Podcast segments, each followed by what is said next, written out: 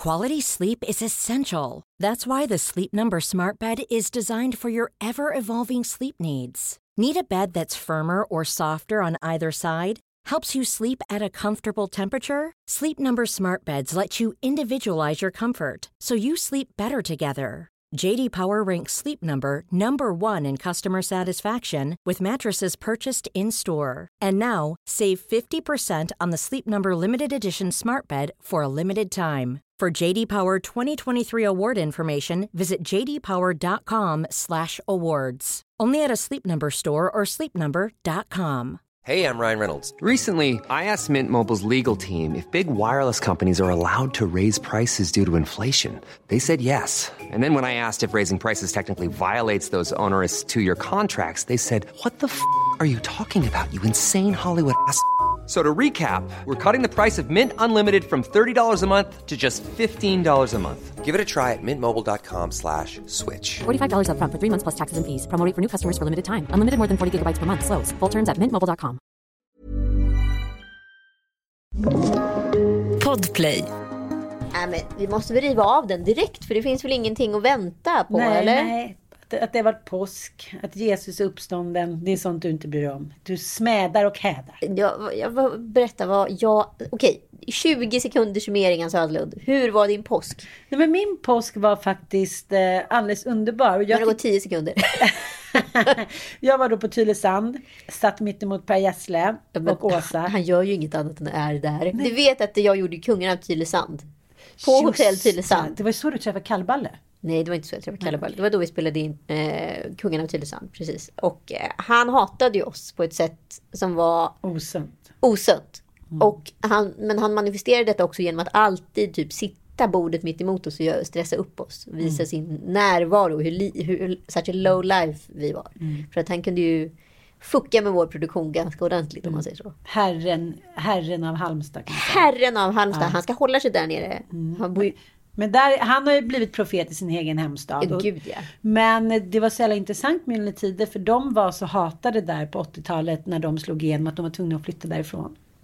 Och det är Och så faktiskt... får man komma hem som profet. det får man, men det är någonting som har hänt med Instagram. Det kan, som jag tycker är lite trevligt ändå. Och det är just den att man kan ändå faktiskt eh, vara profet i sin egen hemstad och omtyckt och så. Tror du att Lina Ahlborg i Gävle är profet i Gävle? Jag tror hon fick flytta till Stockholm hon med för hon blir för fin för Gävle. Okej, kanondialekt. Ja, men Kanon. det, då räcker det.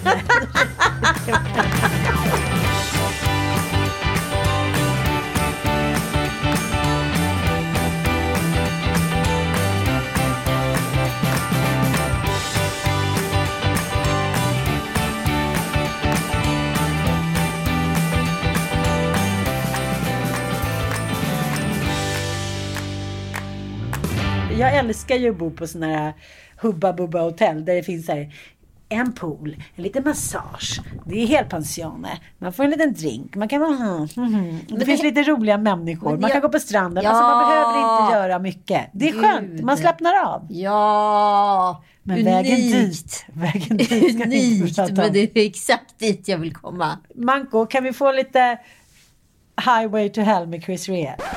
Nej, det kan I wait. Nej, det kan jag inte. Nej, men lite så här amerikansk... Uh, we're going on the road again.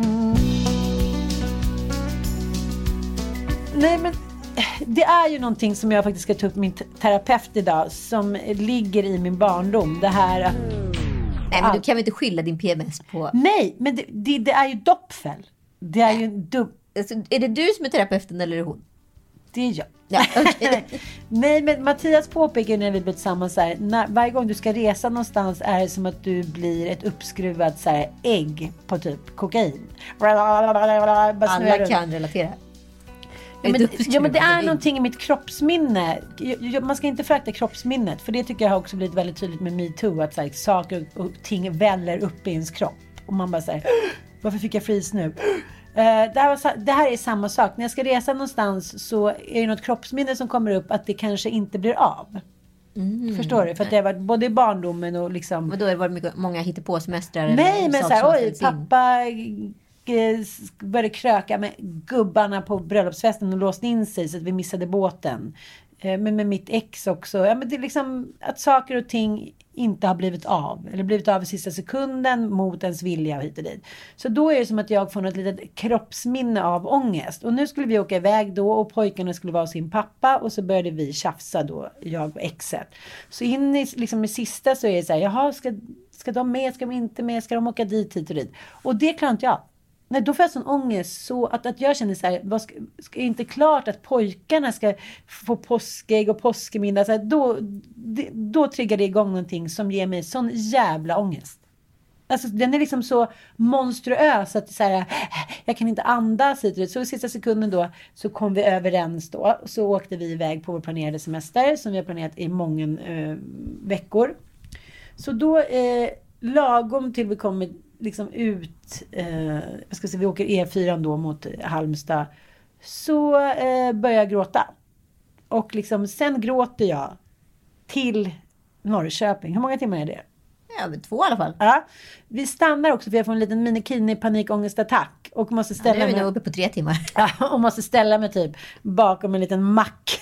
mack.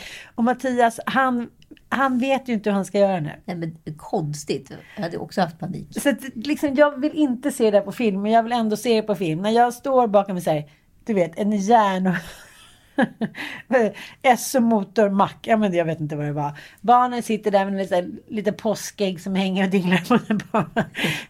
The Gears, här, de har min telefon. Mattias sitter så här, tittar lite, vinkar så här.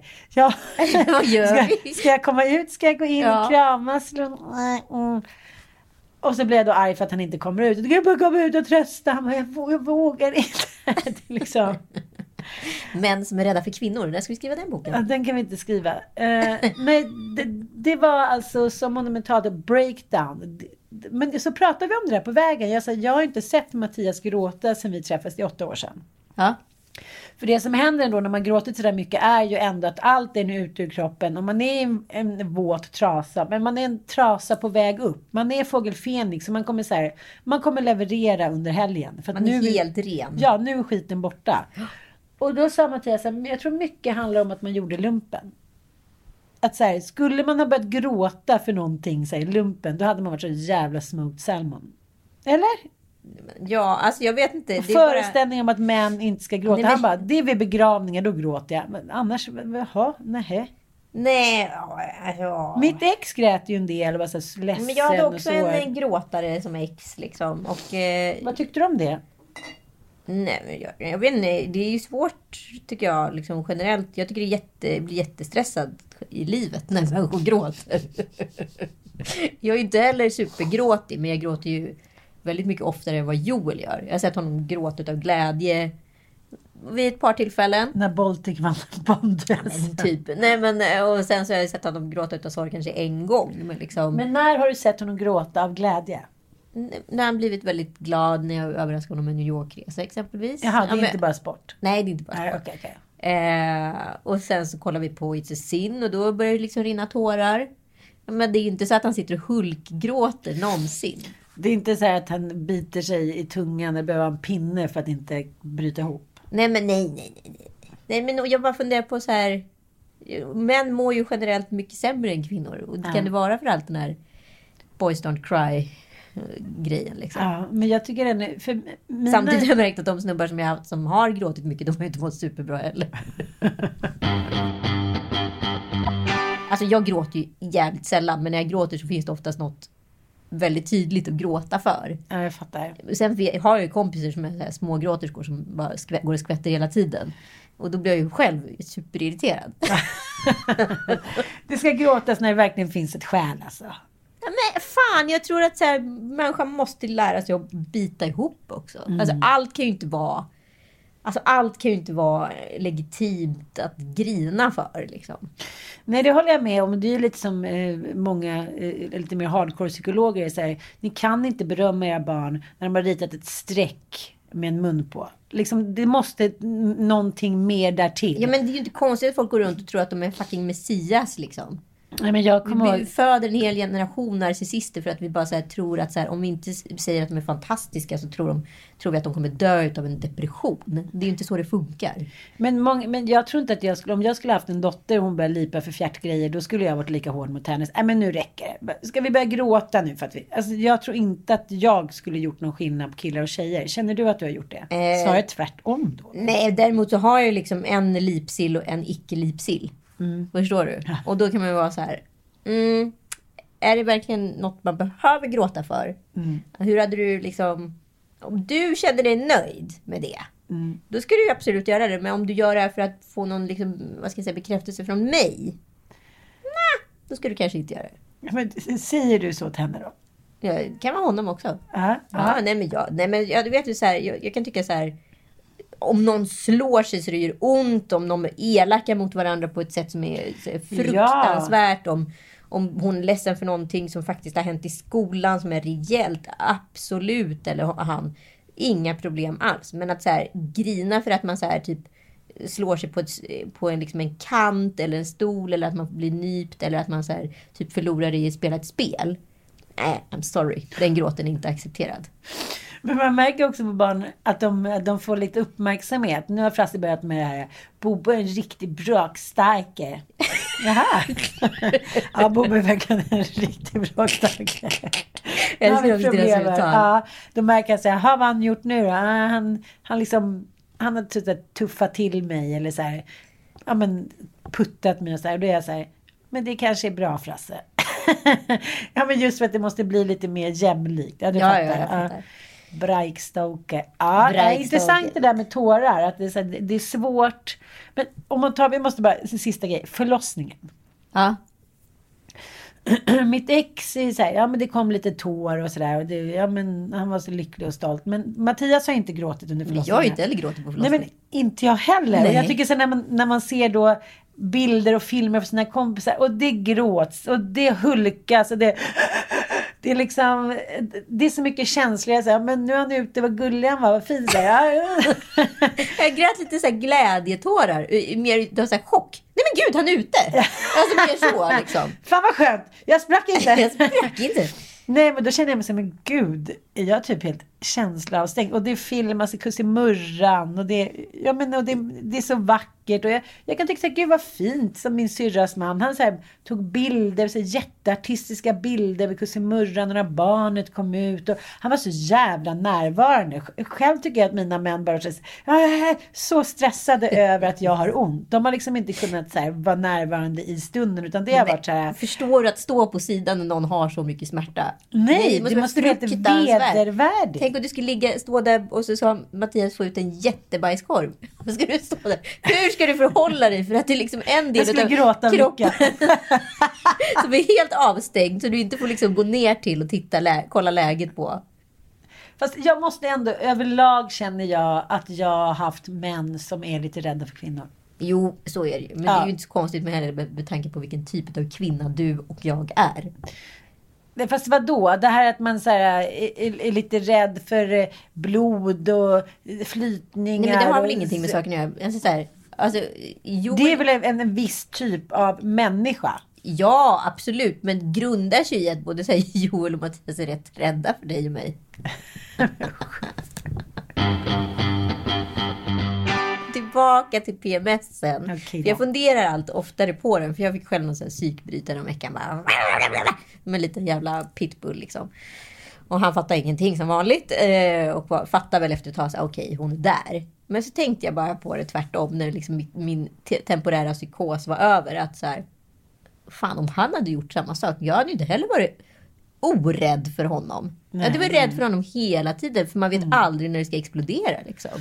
Det, det är så här, alltså jag tror ju att PMSen är så jävla ojämställd. Den skrattas oftast bort som så här, hon är så tokig, hon fick PMS. Riktig PMS-häxa! Tänk om en snubbe skulle så här sparka i en jävla vägg eller om en s- så här, börja skälla ut den eller slå en på en axel eller riva i något. Då hade man ju varit liksom, då hade man ju varit som att en psykiskt misshandlande jävel liksom. Men tjejer har fri lejd när det kommer till sånt där.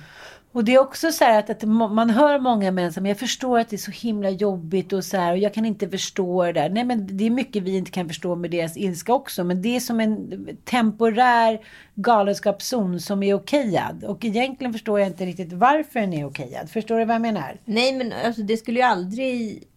Liksom, det skulle ju aldrig accepteras ifall det var män som hade...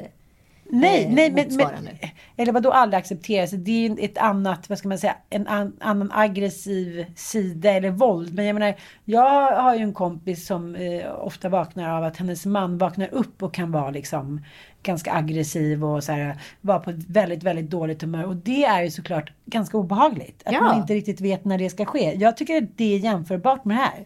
Ja, och så säger Mattias då i bilen så här, men är du säker på att det inte är den här tiden av månaden typ? Och du vet när han säger det. Då Alltså, exploderar det ännu mer. Ja, men det är så här, det makes all sense. Men det som händer med ens jävla PMS-hjärna är ju att det finns ingen, det finns ingen liksom Verkligheten är inte kvar. Man är inte den människan man är. Att någon säger så, det är ungefär som någon säger så här. Va? Vadå, du menar att jag ska föda ut ett guldägg nu då? alltså det... så jävla bra liknelse. Nej, Nej, men men man, man är så förstörd i hjärnan av Ja. den här PMSen att säga Istället, då ska man ju retirera och säga så här, okej älskling, fan jag är så dum i huvudet, jag måste kolla, det är klart att det är det. Men, men, men det Men du är går så inte. uppeldad, Du så är så krigsstigen. Du är, så här, du är fotsoldaterna i främsta ledet, så här, romarriket, så här, död. Suffragetterna står där och bara väntar på att bli späkta. Jag på att säga. Nej, men det, jag, jag bara tänker att det är... Menshydda kanske inte är så dåligt. Nej, det var, nej, jag vet inte. Ja, nej, det är lustigt det där. Jag vet inte, hur ska man komma vidare då? Förstår du? Hur Ja. kommer man vidare med... Nej, men jag, tror, jag tror i grunden inte att så här, jag tycker att det är ganska, jag börjar bli störa mig allt mer på eh, människor som skojar bort PMS som någon så här Ja. roligt kvinnligt drag. Jag vet ju de kvinnor som vi har läst om som har, faktiskt har begått grova brott. Det har ju också skett under just PMS. Alltså Ja. det är ju en galenskap, en psykos som man går in i. Ja. Och ska man fortsätta skoja bort det, då, då kanske man kan skoja bort ett och annat kvinnobrott också. Eller mansbrott mot kvinnor också.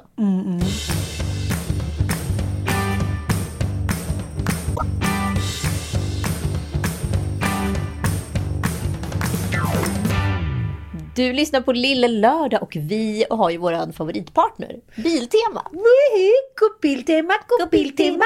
Biltema. Och de har ju nu börjat ta in sjukt mycket härliga träningskläder och träningsredskap. Uh, Yosemite... Nej, Nej, men alltså, du kan inte säga det. Du får säga det älskling. Ja, du vet Yosemite- mycket öva. Ja, Yosemite heter de. Yosemite, go Yosemite.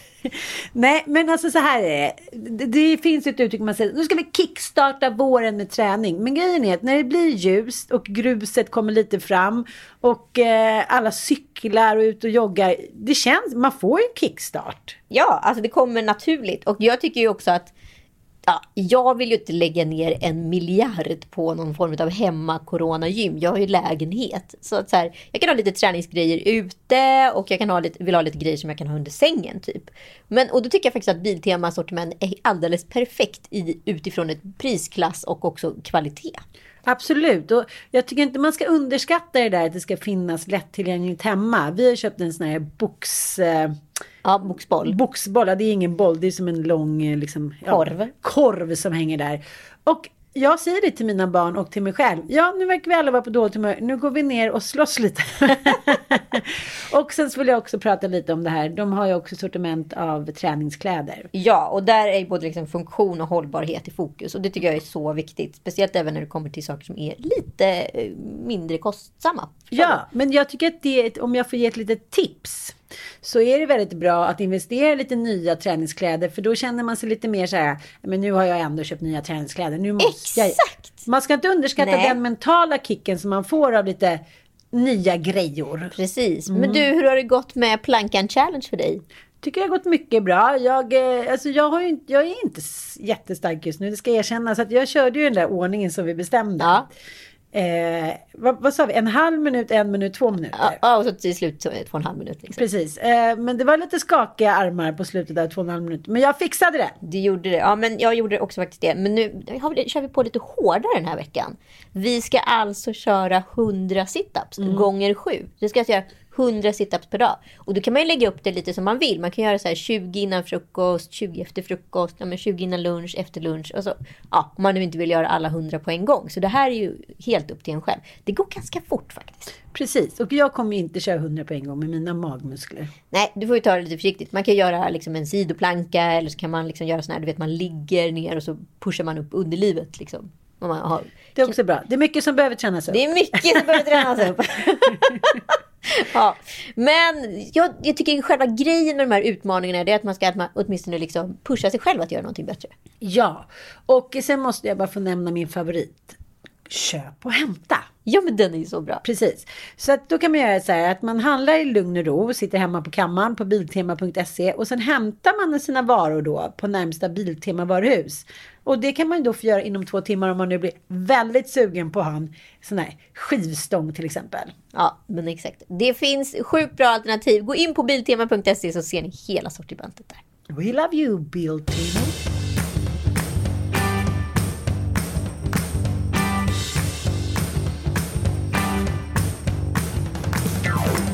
Det känns ju som att den här eh, jämställdheten ibland är lite problematisk. Och eh, vi pratade ju mycket om saker som hade hänt på 90-talet.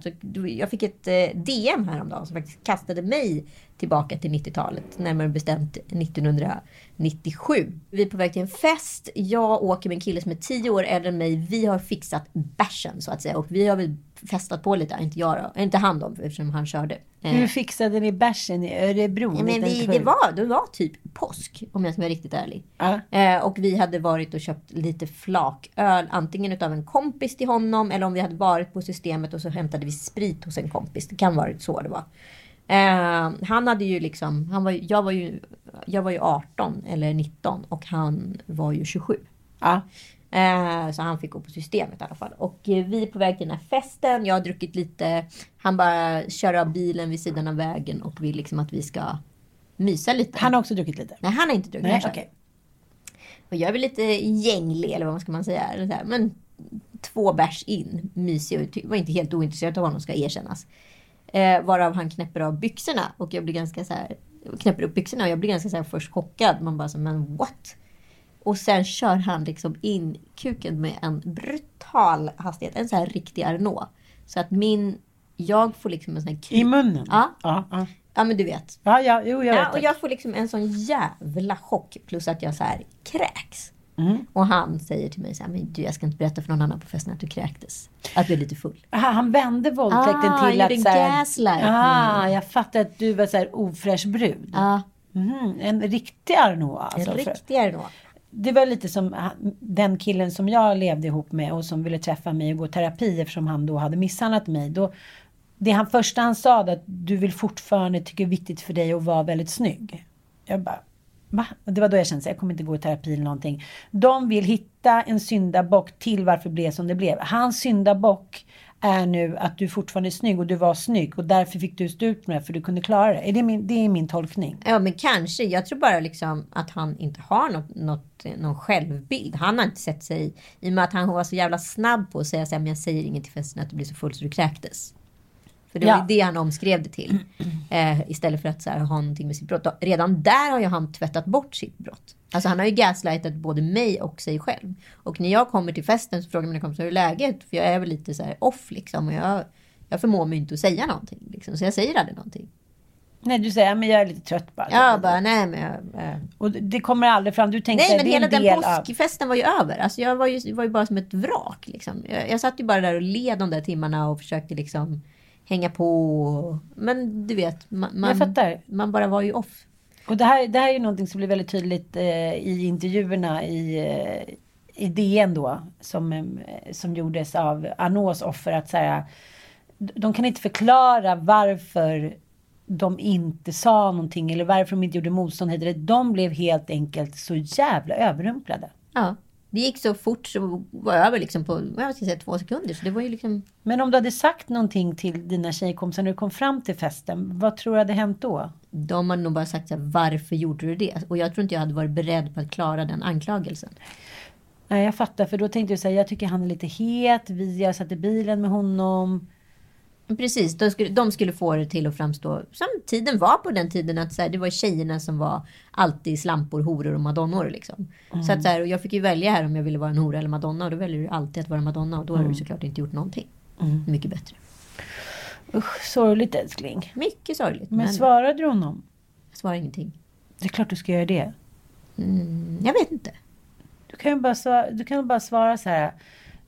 Jag tycker inte att eh, det är helt respektlöst av dig efter det som hände att skicka en sån där kommentar. Hör aldrig mer av dig. Ja, det ska jag fan med göra. Liksom det här, nej, nu är vi i pudelns kärna. Det var så länge sedan hit och dit. Om vi pratar nu om det återkommande kroppsminnet som man verkligen ska lyssna på. Om, om du får helt plötsligt en liten fladdrande stjärna i hjärtat eller och dit. Då beror det på att det är någon som gör våld på någonting i din kropp. Och då måste du på något sätt lyssna på det. Varför ska du inte svara? Det är klart du ska svara. Nej, men jag bara så kände att jag så här, var ska, var ska, varför ska jag ens lägga tid på honom? Alltså, Ja, men det tar inte mycket tid. Jag vet hur snabbt du skriver. Det tar tio sekunder för dig. Ja, och jag sen, ska göra det. sen kan du stänga den dörren. jag ska göra det. Mm. Jag hade liksom ingen att hålla i handen där. Mm. Eh, och såklart i och med att man inte gjorde någonting åt det. Jag mådde dåligt en liten period efteråt. Men det var, ja, skakade av så går man vidare i livet. Det är inte så mycket mer med det. Det fanns liksom ingen referens. För i tjejtidningarna stod det att så här, så här är du äcklig, du är en äcklig tjej. Du, det, här, så här får du en kille på fall. Alltså, det fanns ju bara den typen av eh, lingo. Och det var ju liksom att var, systerskapet var ju så här att inte vara en hora. Ja, och att inte vara tjock. Att inte vara tjock. Ja, för det handlar ju mycket om de här Mitt livs novell och stalet om att så här, tjejerna i de här serierna, de känner sig så tjocka och äckliga och fula. Och då ska det rättas till av, hör och häpna, snubben Ja. och kompisen. De liksom gör på något sätt, de gör en liten plan för hur den här äckliga tjockisen som är full av självförakt på grund av att hon inte ser ut som minimjölks-Emma då ska göra för att hon ska bli älskad igen, vilket hon automatiskt alltid blir i de här tidningarna när hon blir smal. Ja, det är så bra. så bra. Ja, men alltså, men det, hela, hela liksom världen var ju extremt osolidarisk. Och så tänkte jag verkligen på det här. Eh, för det var en kompis dotter som hade anmält någon för sexuellt ofredande. Och då tänkte jag på eh, alltså vad samtyckeslagen ändå har gjort för båda könen egentligen. Det är ju faktiskt att någon, den personen eller den situationen fanns det inte för mig någon att hålla i handen. Men på grund av samtyckeslagen så finns det någon att hålla i handen som sa, kunde säga så här, fan det där var liksom inte okej och du har blivit utsatt för ett övergrepp. Eh, och den, det fanns inte. Nej. Och därför blir jag inte heller förvånad när statistiken visar att fler våldtäktsanmälningar sker. Jag tror bara att så här, vi hade inget sätt att anmäla våldtäkt på. För våldtäkt för oss, det var någon som skrek och blev utsatt för ett fruktansvärt brott där man liksom gick Nästan sönder ner mördad. till och nästan blev mördad. Liksom. Ja. Det fanns liksom inga... Det fanns... Jag tänkte, nu tänkte jag säga gråzoner, men jag inte så. Men det fanns ingen skala på det här. Antingen var det så här sönderbitet öra, nästan död, blodig, un, söndertrasat underliv. Eller också var det inget. Nej. Nej, men det, var, alltså, det var det- antingen det, för man fick ju veta i rätten att man hade fel kläder på sig, att man hade varit Ja. slampig och så vidare. Precis, att man var för full och hit och dit. Ja, och slampig vill man ju absolut inte vara. Det var nej, ju liksom, nej. Det var ju lika nej, men med då döden. var man, ja, men då var man ju körd för, for life. Persona non grata. Ja, ja, då var man ju körd i skolan, då var man körd efteråt och man bodde på en liten ort speciellt. Liksom. Men eh, det fanns också en, en känsla av att man var totalt utsatt 24-7. 100 procent. Mm. Alltså att man alltid var tvungen att vakta rygg. För att det, det där... Jag kommer ihåg, jag var på Berns. Det här måste väl ändå vara... Alltså det här måste vara när jag var typ så här 25. Jag är där med min pojkvän. Liksom. Och det kommer fram en kille och gör liksom en så här dubbelhandsfattning på tuttarna. Liksom. Mm. Rakt framifrån. Och jag lappar till honom och min sambo bara, vad fan gör du? Alltså, Mm. Till och med då, så här, du kan ju inte slå honom. Jag bara, men såg du inte vad han gjorde? Jo, men du behöver inte reagera så. Att det var liksom, nej men det var inget konstigt med det. Mm. Men det var jag i och för sig med om för åtta år sedan på Rish en väldigt känd man. Att han gjorde på mig, för han hade inte riktigt förstått att jag hade träffat en ny kille. Vi hade haft en liten fling. Då tyckte han, då körde han en liten pullhandis. Jaha. Boink! Lappade jag också till honom. Ja. Mm, det reagerar han i och för sig inte på. Men om vi, om vi går tillbaka till samtyckeslagen så handlar ju den väldigt mycket om det som faktiskt förstörde så jävla mycket förut. Att om man var redlös eller utom kontroll, då fick man enligt de facto lagen skylla sig själv. Ja. Nu är ju uttalat, det spelar ingen roll liksom, om du är onykter eller inte vet vad som pågår hit och dit. Man får, in, man får inte göra någonting utan att den andra har sagt ja. Nej, men så tänker jag också på eh, situationen med AI och real fake som har varit liksom snack om nu i helgen. Ganska mycket, det vill säga en så pass bra AI som har sån, ja men du vet, man kan iklä sig en kändis ansikte. Eh, för att just nu håller ju många på med då att eh, scamma folk genom att så här, använda real fake. Exempelvis var det en diskussion om att Bianca Ingrosso har blivit real fakead på olika porrsajter. Eh, det vill säga att man har liksom använt hennes anletesdrag och kopplar det till ja, en person som då är en porrstjärna och sen så ser det ut som att det är hon som sitter och ja, rider en kille liksom. Eh, och likadant har man gjort en grej med Tom Cruise där man har använt hans body double i många filmer så att där man har fått rätt kroppsspråk också. Eh, bara som ett experiment. Men det här, eh, jag tänker att så här, det här samtyckeslagen kommer ju också få problem med tekniken. För att nu funkar ju ofta så att killar spelar in, eller tjejer spelar in små så här samtyckesmeddelanden. Så, här, så att så här, du och jag är med på det här, nu ska vi ligga med varandra, tjoff, hejsan. Men sen kanske man inte vet vad som händer i själva samlaget. Nej, jag fattar. Men kommer man kunna använda deepfake till sånt här sen? Det är det jag tänker. För tekniken har ju, den är ju så långt för lagstiftningen nu. Alltså det har aldrig gått så fort. Det känns hemskt utstuderat. Ja, men det är ju sånt här det kommer användas till. Och så har man suttit där och hjälpt de här AI-verktygen att programmera sig genom olika roliga filter och grejer. Har inte fattat någonting. Vi är så jävla korkade. Ja, gud, det, där, det vore ju en sån helt vedervärdig backlash. Ja. Jag tror ju tyvärr att det kommer ske. Ja, men, men jag vill i alla fall tillbaka till samtyckeslagen. Efter ett år då, den kom 2018, eller hur? Ja. Och eh, jag måste bara säga, efter första året då så hade i ärenden med unga brottsoffer mellan 15 och 17 år hade, hade det ökat markant då från 11 procent till 26 procent av anmälan då förra året. ja. Och eh, jag tror att det handlar väldigt mycket också om att så här, när en, ett brott får status eller en sjukdom som till exempel ta bröstcancer eller underlivscancer som bara var så här. Det är hennes eget fel, Gud straff och... ja, men det är ju så. Eh, s- så blev det också, ja, kräftan har tagit henne att inte prata. Kvinnosjukdomar är ju så jävla underprioriterade. Men när, när det här på något sätt sätts på kartan så blir det också att polisen, tror jag, vilket är mycket arslen ute hos polisen också, men att man det är lättare att prioritera det när det får högre status. Det måste prioriteras. Förstår du? ja, ja, absolut. Vilket också gör att det får eh, det är brott som får högre status, vilket gör att det utreds mer. För det är väl det som är hela grejen, att det, det så, har så jävla låg utredningsstatus. Det är typ så här, en procent av våldtäktsanmälningar, tre procent som överhuvudtaget liksom börjar grotta sig i, som leder till någonting. Ja men det var ju ganska mycket snack om för några år sedan, eller det skedde ju faktiskt till och med för några år sedan att alla de här mobilstölderna etc. Att det ska, landar hos försäkringsbolagen för att det blir en avlastning för polisen. Och det, för det går inte att utreda varenda jävla mobiltelefon. Som, alltså man kan inte lägga polisiär tid på det. Så att det har ju på sikt då hamnat eh, hos försäkringsbolagen. Och den här typen av grejer skulle också kunna vara en oberoende instans som sitter och liksom tar hand om när det ökar så lavinartat. Så att jag tror att man måste hitta något sätt i framtiden så man inte bara håller på att skapa massa lagar utan att det tas om hand om. För då är det ju liksom status quo. Typ FBI for rapes. Ja, Ja. Där har ni den, polisen. Varsågod. Från Lille Lördag. Upp, upp och grabba! Och hörni, vi måste ju bara berätta att i den här veckan händer det grejer i Lille Lördag. Ja, gud det händer grejer. Lillfrugan har roddat med Ja, Dicken och... Lillfrugan och Dicken. Jo, det kommer alltså en två timmars lång Knutby special med Sveriges bästa grävare i ärendet, nämligen Dick Sundevall. Så roligt ju. Precis, och eh, vi delar upp den här då Mastodont eh, podden i två delar. Absolut. Och nu alla vänner till vårt favoritämne för veckan. Gift vid första ögonkastet.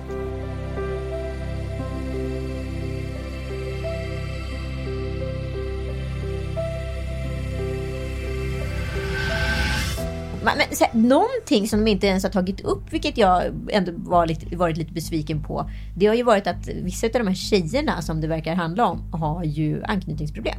Ja, Och det är har blivit- väldigt tydligt. Det här tycker jag, det här programmet har seglat upp lite som en Freudian slip. Verkligen. Det som jag känner ändå från att ha känt ganska mycket irritation mot Susanna så tycker jag ändå att det kommer en ganska tydlig förklaring nu framför varför hon hela tiden vill testa Johan. Och eh, varför hon liksom är så hetsig hela tiden och verkar känna sig extremt otrygg som person. Och det är, hennes förklaring är då att hon, hennes föräldrar skilde sig när hon var sex och hon flyttade mellan dem och hon aldrig kände sig hemma någonstans. Usch vilken hemsk känsla. Har du någonting att berätta om din barndom? Jag är uppvuxen med, med som du vet, skilda föräldrar. De skilde sig när jag var sex år. Eh, båda träffade ganska snabbt nya partners. Ja, hur kändes det för dig då när det hände? Jag brottades mycket med att jag inte kände mig hemma någonstans. Jag Ja, kände mig inte det. liksom hemma hos mamma, inte hos pappa. Släppte inte in någon, jag pratade inte med någon. Jag har än idag väldigt svårt att känna mig trygg någonstans. Eh, Jag har svårt att både känna mig trygg i relationer och på platser. Eh, Och det här tror jag kommer verkligen därifrån. Ja, men det förstår jag absolut. Det här är ju en liten scen då. Där Susanna och Johan pratar ut. Ja. Och eh, helt plötsligt så är det som att eh, hon har totalt sänkt garden. Gud ja. Hon tittar på honom med respekt och med att hon har helt enkelt likt ett barn som känner sig otrygg. Testat och testat och testat och ändå fortsatt bli respekterad och älskad på något sätt. Ja, precis. Det fanns ingenting mer att stångas. Sen Nej. kommer hon alltid kliva in i det här barnet när hon känner sig trängd och rädd. Och, Mm, och det är likadant lite med Elinor som också uttryckligen säger att hon eh, har en för vana att liksom sabba relationer för sig själv på grund utav Eh, ja, och att hon får inte ihop det liksom. Så att så här, det är ju två otrygga tjejer som har liksom eh, tagit sig an den hårda attityden. Eh, däremot så har jag en stor fundering runt liksom Johan och Susanna om, så här, om man inte vid den här tiden har känt någon fysisk attraktion till varandra. Kommer man då göra det? Johan har ju uppenbarligen visat tecken på att han vill vara fysisk med Susanna men hon har ju inte visat några tecken på att hon vill vara fysisk med honom. Ändå så pussades de väldigt mycket under själva bröllopsfesten. Ja, men, ja, men då var det väl också lite spel för galleriet. Alltså, ja, men du lite tänka- hög på känslan. Precis, det, man har varit nervös och man, så här, man tänker att det finns en föreställning om hur, eh, hur man ska vara i den situationen. Annars är det ju så här, varför var de ens med? Man vill ju inte liksom gå in med kritik. Är du med mig lite? Nej men absolut. Nej, men och sen så eh, tycker jag att det är så spännande också med eh, Elinor och Lars. Där, där han hela tiden... Han för första gången börjar ändå liksom stå, slå lite tillbaka. Där det inte hela tiden, för han har ju agerat lite som att hon är facit i och med att hon vill prata känslor. Samtidigt vill hon ju hon liksom bråka om exakt allt. Men om man eh, tänker sig eh, lunch på tåget. Ja. Åker i första klass kan man förbeställa käk. Det är ju svinhärligt. Kommer de med typ eh, silverbestick kanske ta i men. Så jag älskar hur olika vi är i det här. Därför för mig är det inte så viktigt att planera in att de ska komma med silverbesticken utan jag bara, det blir bra. Och du skulle gärna vilja att det blir så här minutiöst. Är det så? Jag älskar förbeställd mat på tåget ja. Det är Ja, men du gillar att det blir eh, att vi har en, en detaljplan. Ja, men det gillar jag. Ja. Och jag blir typ stressad. Man kan tänka sig det bästa av två världar. Men jag får detaljplanera. Och du får några 24 timmar i Göteborg som blir magnificent. Det låter bra, men då får du inte berätta alla planer för mig. Ah, Okej. Nej. Alltså, hon vill ju kontrollera hans eh, känslor och uttryck in i liksom minsta detalj. Men samtidigt så blir hon ju arg om hon inte blir informerad. Alltså hon är ju så jättejobbig. Och nu har väl han för första gången börjat så här, sätta emot. Att så här, vet du, vi kan inte liksom snacka om allt. Det går inte. Det går inte. Det- Alltså, livet ska vara kul att leva. Det ska inte bara vara en piss liksom. Och det tycker jag är så här, tydligt med en del människor i min närhet också. Att så här, livet blir inte kul när man har det där enorma kontrollbehovet. Ja. För man kan aldrig, aldrig liksom slappna av. Det är därför man inte gillar överraskningar. Det är därför man inte eh, litar på partnern. Bla, bla. Det blir liksom en, att gå omkring i en så här, olika höjder av så här, Dantes inferno. Upp och ner mellan olika så här, ångestvåningar. Och jag, jag fattar att det inte är liksom, man, man väljer ju inte att bli så. Det beror ju på massa saker. Men, men, eh, Men det blir inte intressant manligt kvinnligt då? För hela tiden har det känts som att maktbalansen har legat hos, tjej, och legat hos tjejerna. Att de hela tiden känt så här. De här killarna är inte bra nog för mig. Jag kommer inte välja honom. Men nu när de helt plötsligt då börjar segla upp som så här tryggisar. Då börjar tjejerna vackla. Och så här, nu känner de så här, vadå ska vi inte bli valda? Ja, nej, jag tycker det är så otroligt. Det är som en, vilken jävla pardans, fågeldans som helst. Att, så här, tjejerna gått omkring där med sina vackra färggranna fjädrar och killarna har varit lite så här tölpiga med så här gråa. Och sen så helt plötsligt nu när det börjar närma sig någon form av val. Då är de livrädda att bli kvar på Glasberget. Ja! Jag tycker att det här är intressant när man inte liksom, kanske känner någon jätteväl och sen så hamnar man på någon middag så, så, så pratar man om passion och kärlek så säger man så men, eh, ja men man kanske inte säger det uttalat till båda men kanske till den ena jaha men var ni jättekära i passion? Nej, nej det var aldrig någon stor passion. Och då är jag så här, Nej, vad ska man då bygga någonting på? Att det kanske finns den där rädslan att man kommer till en viss ålder och man, det finns så inbyggt i vårt DNA att så här, för hundra år sedan, om man inte var gift innan 25, då hamnade man på Glasberget. Ja, exakt. Då var det moster Lotta som fick sitta hemma och hoppas på liksom lite allmosor och fick hon inte det så fick hon bli Krösa-Maja. Det var liksom så det var. Så var ödet eftersom man inte kunde försörja sig själv. Det måste ju finnas i någon jävla kroppsminne hos oss. Därför blir vi livrädda och är så här: okej, okay, I'll take second best.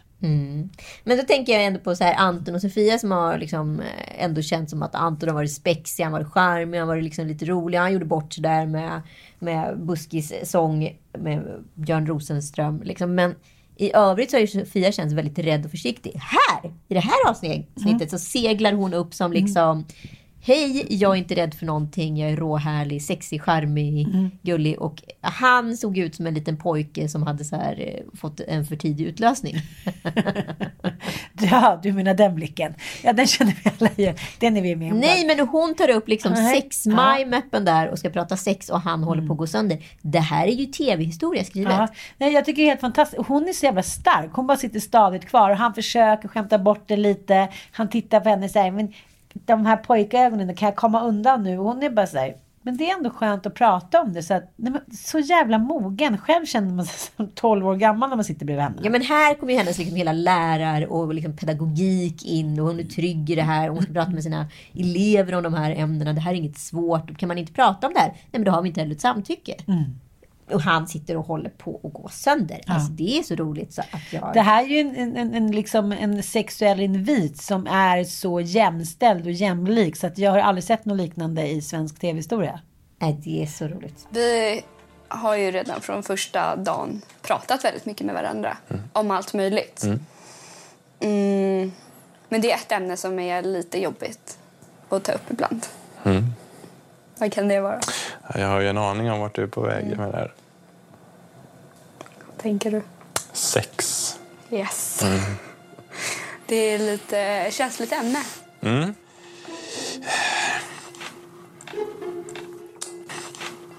Kärlek. Kärlek. Får jag lägga till ett ord? Ja. Jag skulle vilja säga att det är kul. Det ska vara kul i alla fall.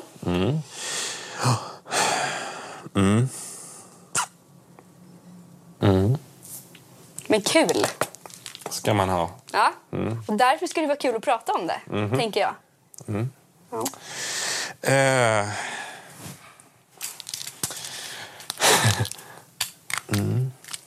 Och jag, jag, bara, jag blir så fascinerad för jag tänker så här, när man själv varit nykär och så kanske man pratar med någon kompis som också har träffat någon ungefär bara, "Äh, men vi ska köpa lite godis på Sevan och kolla på någon film. Man bara, jaha, 95 cigg i munnen, två poppade champagneflaskor, någon trosa som ligger liksom så här.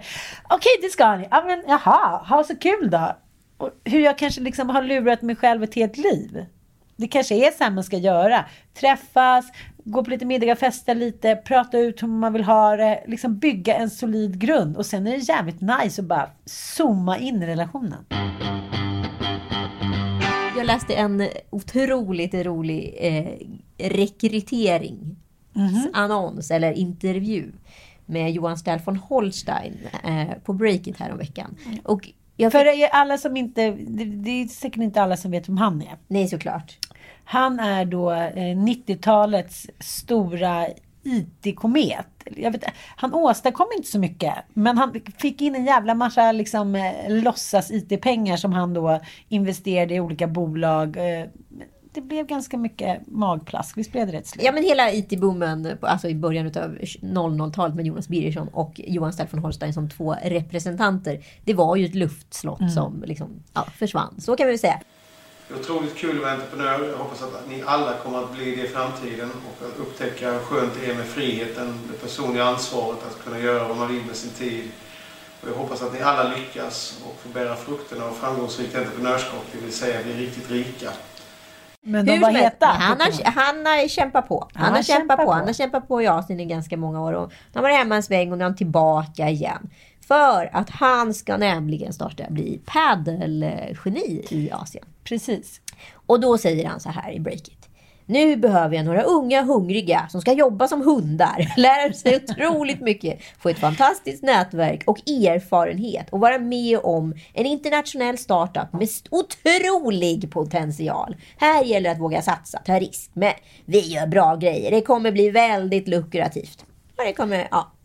Men det här redan- skriver han alltså i sin Instagram. Ska vi informera. Ja, jag vet. Och eh, ja, precis. Jag har också läst det här. Men redan vid hundar så är han så Han är så körd. Du vet, han tror ju nu att det kommer ramla in så mycket ansökningar, tusentals. Men Så här rekryterar man ju folk på 90-talet. För Ja. då tyckte man ju att det här var spännande och wow, jag ska slita som en hund. för Tortera mig inga lite. pengar, jag ska sitta i repan på tidningen Darling och spray och jag ska få en krona men jag kan få optioner. Bla bla bla. Och jag kommer ändå vara med de coolaste människorna och hänga med dem. Men grejen är att det, det, är ingen liksom, det är ingen i den här generationen som tycker att han är cool. Nej, grejen är så här, hade Filip och Fredrik sagt så här, ja, men ni kommer få jobba små, små svin och nästan Mm. gratis, men ni får hänga med oss. Då hade ju liksom halva, halva liksom ungdomsligan sprungit dit. Liksom. Men Johan Stell von Holstein, ett, det är ingen som kommer ihåg vem gubben är. Två, Nej. det är ingen som jobbar som en hund idag. Nej. Och lukrativa dealer som det trollas med och var med om en internationell startup på ganska I förlåt, Asien som lösa, så här, kom il få ja, lösa på Linder. Nah, Nej. inte så bra. Och då tänkte jag verkligen på så här, hallå vokare där ute. det här är en jobbannons Vi står på er sida. Nej men det är konstigt att han inte pratar med någon typ så här, samtidsmänniska, någon PR-människa. Ja, det är bara typ. sina barn. Han har väl barn i den här Ja. åldern. De borde bara kunna säga så här, farsan du kanske inte ska skriva sådär. Nej, men det, han fick feeling. Han fick Eh, feeling. jag, jag tror att det är många som har varit med om en storhetstid som kanske var ganska lättförtjänt. Förlåt Johan.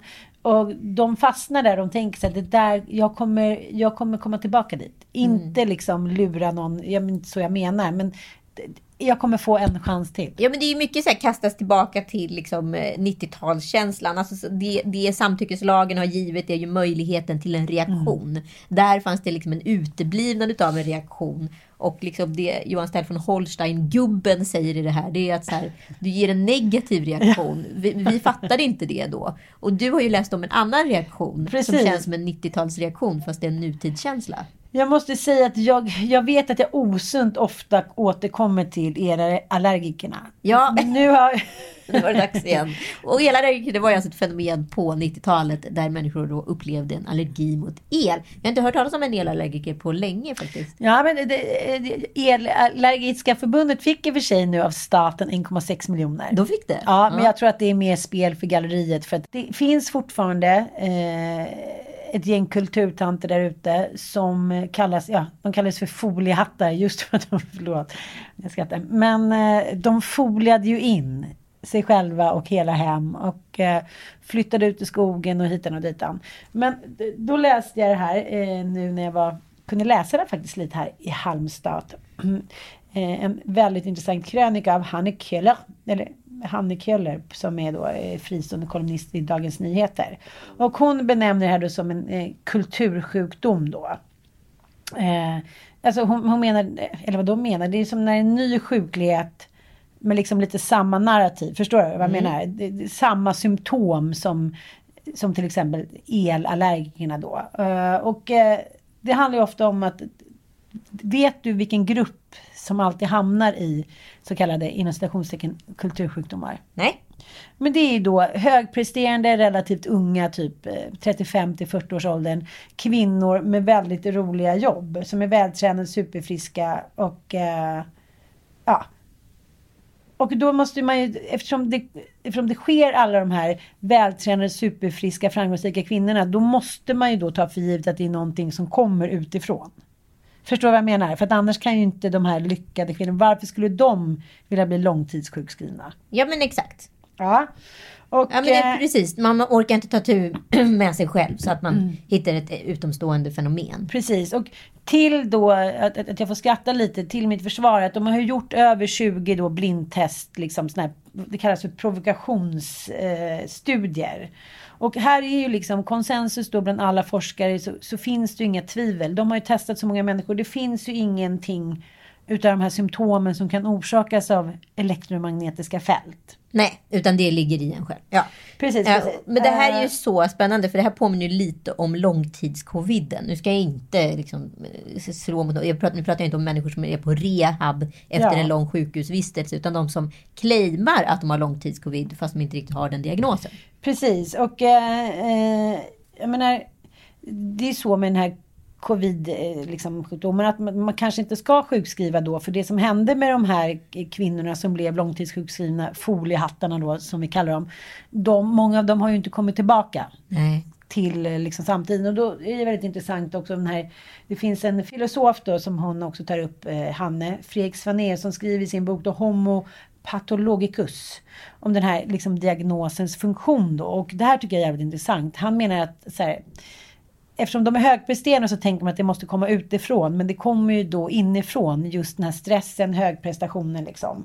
Och eh, hur vi då i takt med att vi har liksom blivit urbaniserade och sekulariserade inte har någon tolerans mot den här inre smärtan. Det hjälper oftast inte att långtidssjukskrivna eller att uppmuntra det här. Utan ibland, som, för att sammanfatta det som du säger, ibland så får man som människa bita ihop och inse att saker och ting gör ont. Och inse också att det, kanske beror på en inre smärta och inte någon vetenskaplig klausul som man har missat. Man missar livet medan man letar efter någonting som är chimär.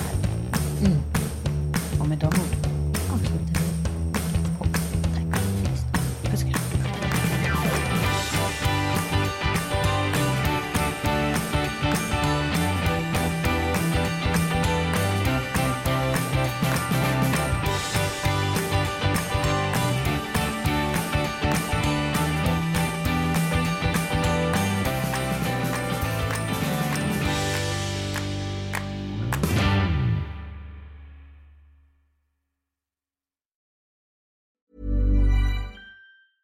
Planning for your next trip?